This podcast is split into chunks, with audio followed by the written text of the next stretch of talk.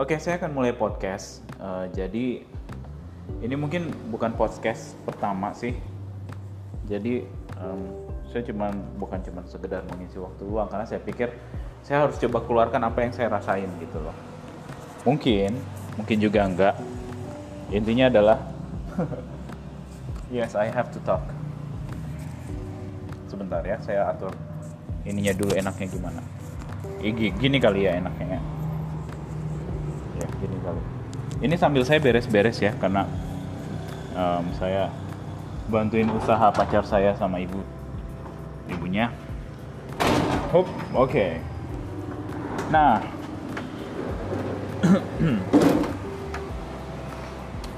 Gini saya tuh tadi pagi kepikir um, saya ngobrolin sesuatu yang saya tidak keluarin.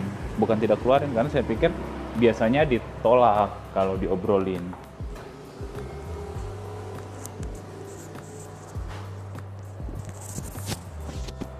biasanya akan ditolak kalau diobrolin karena memang agak nggak lazim sih sebenarnya yang saya obrolin tuh yang saya bilang itu.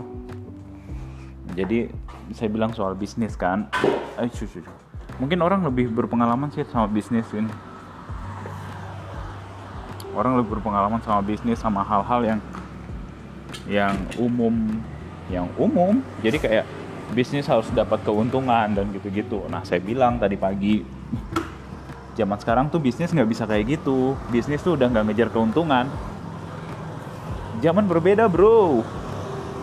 Kalau dari 80-an yang apa baby boom ya baby boomers ya. Nah sekarang tuh udah generasi apa ya? Millennials bahasanya kan gitu ya. Generasi millennials millennials yang lebih kritis gitu. Yang kalau beli apa-apa ya dia akan mikirin sampai profit lu berapa serius bener. Padahal dulu kita nggak mikirin profit orang berapa. Ngapain gitu. Nah, pipis dulu ya. Ya ngapain mikirin profit orang berapa gitu. Ya itu hak dia terserah dia. Kita dulu lebih cuek lah istilahnya. Kalau sekarang nggak. Anak-anak zaman sekarang tuh dipikirin asli beneran. Dia hitung. Itu itu kenapa mereka kita sebutnya sih kritis cuman eh bukan kritis. Kebanyakan orang nyebutnya rese. Ada istilah price police lah ada istilah uh, macam-macam gitu. Cuman mereka bukan price police sebenarnya bukan bukan mencoba untuk cari tahu dan gitu-gitu. Karena memang di masa mereka segala sesuatu terbuka. Mereka tahu harga supplier. Karena zaman sekarang orang kan tekan harga gila-gilaan ya. Kalau gue bisa dapat harga lebih murah di tempat lain kenapa kenapa enggak gitu and that's why saya bilang orang nggak jual profit lagi orang jual eh orang nggak jual yang bentar. Orang nggak jual produk lagi sekarang orang jual benefit keuntungan apa yang gue bisa dapat dari lu. Orang nggak jual gue karena kalau kemudian kita jual hal barangnya produk doang ya orang akan langsung mikir keuntungan apa yang lu dapat dari gua? Kayak gitu. Nah berkaitan dengan itu gue mau bahas nih. Jadi apa namanya? Kemarin tuh ada ada obrolan gitu. Jadi ada satu kejadian kemarin. Ada satu orang dia datang pembeli dia datang dan kemudian dia beli ayam. Ya kan jualan ayam kan.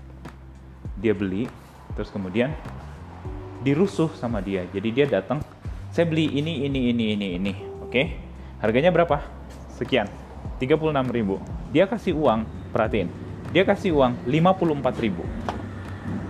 Dia harus bayar 36.000. Dia kasih uang 54.000. Kalau buat kalian nih, kalian gimana?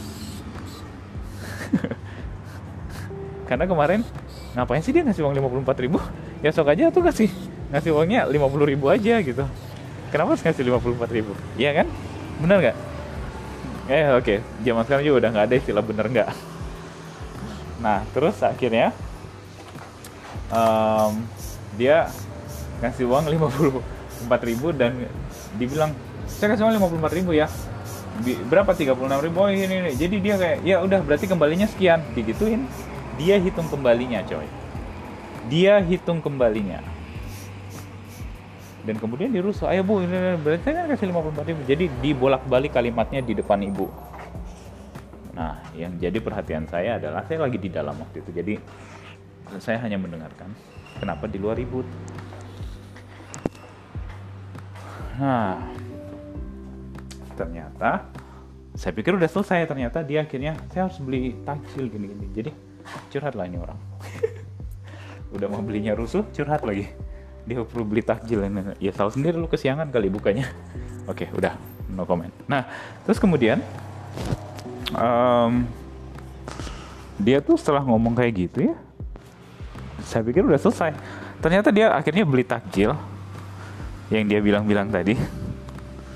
Dan dia kembali lagi coy. Dan pas saya lagi di luar uh, saya jujur saya punya masalah dengan anxiety. Jadi um, jadi kalau lagi pick up ya saya um, bisa bisa melakukan tindakan ekstrim sebenarnya untuk menghilangkan itu anything apa pun.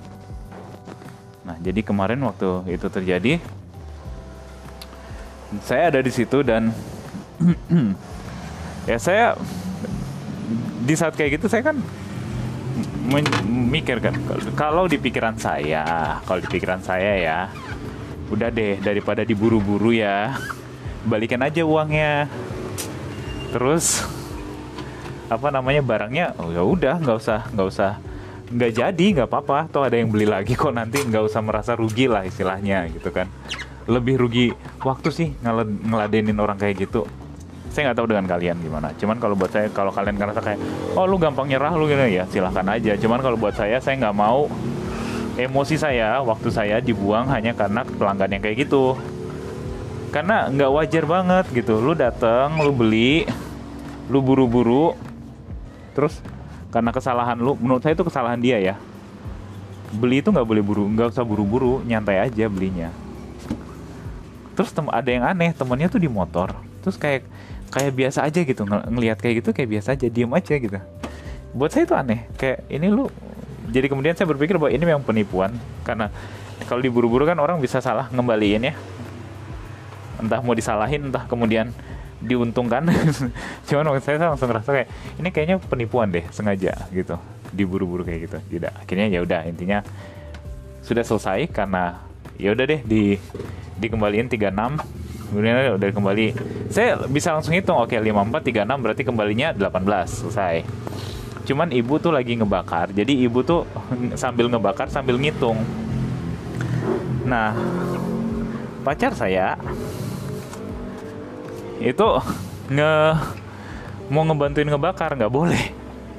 Jadi ada ada kayak semacam apa ya kepemilikan yang sangat tinggi sekali untuk tugas mirip-mirip saya sih sebenarnya. Yang kemudian kayak nggak boleh harus ibunya yang bakar takut kegosongan dan lain-lain gitu. In, akhirnya selesailah itu. Apa sih namanya? Akhirnya selesai orangnya selesai dan kemudian uh, saya coba review orang ini memang aneh. Dia datang dia beli buru-buru dan kemudian ngasih uangnya ganjil belanjanya juga ganj eh, maksudnya ngasih uangnya jumlahnya nggak lazim jumlah belanjaannya juga ngegantung nggak bulat. Kenapa? Gitu. tapi akhirnya bilang ya udah saya sampai di satu kesimpulan buat saya. Di kesimpulan saya adalah ini orang mau ngebohongin orang ini orang mau nipu udah gitu doang. Di saya ya karena um, terlalu jelas gitu ininya. Patternnya tuh terlalu jelas Nah, tapi um, itu kan buat orang orang kan beda-beda ya. Maksud saya orang beda-beda tuh um, ya udah mungkin memang ada orang model kayak gitu gitu loh. Mungkin ada pembeli kita ngadepin pem cuman yang buat saya mikir saya harus introspeksi juga. Usaha ini harus introspeksi juga. Gimana kalau one day ada lagi model kayak gitu? Atau jangan-jangan dia balik lagi nanti mungkin karena ayamnya enak dia balik lagi. Dan dia melakukan hal yang sama. Ini usaha ini baru buka satu bulan. Oke? Okay? usaha ini baru buka satu bulan. Um, saya nggak ngomongin keuntungannya jadi usaha ini baru buka satu bulan. Terus kemudian barulah ya. Jadi buat ibu dan pacar saya ini pembelajaran oh that's right. Ini pembelajaran.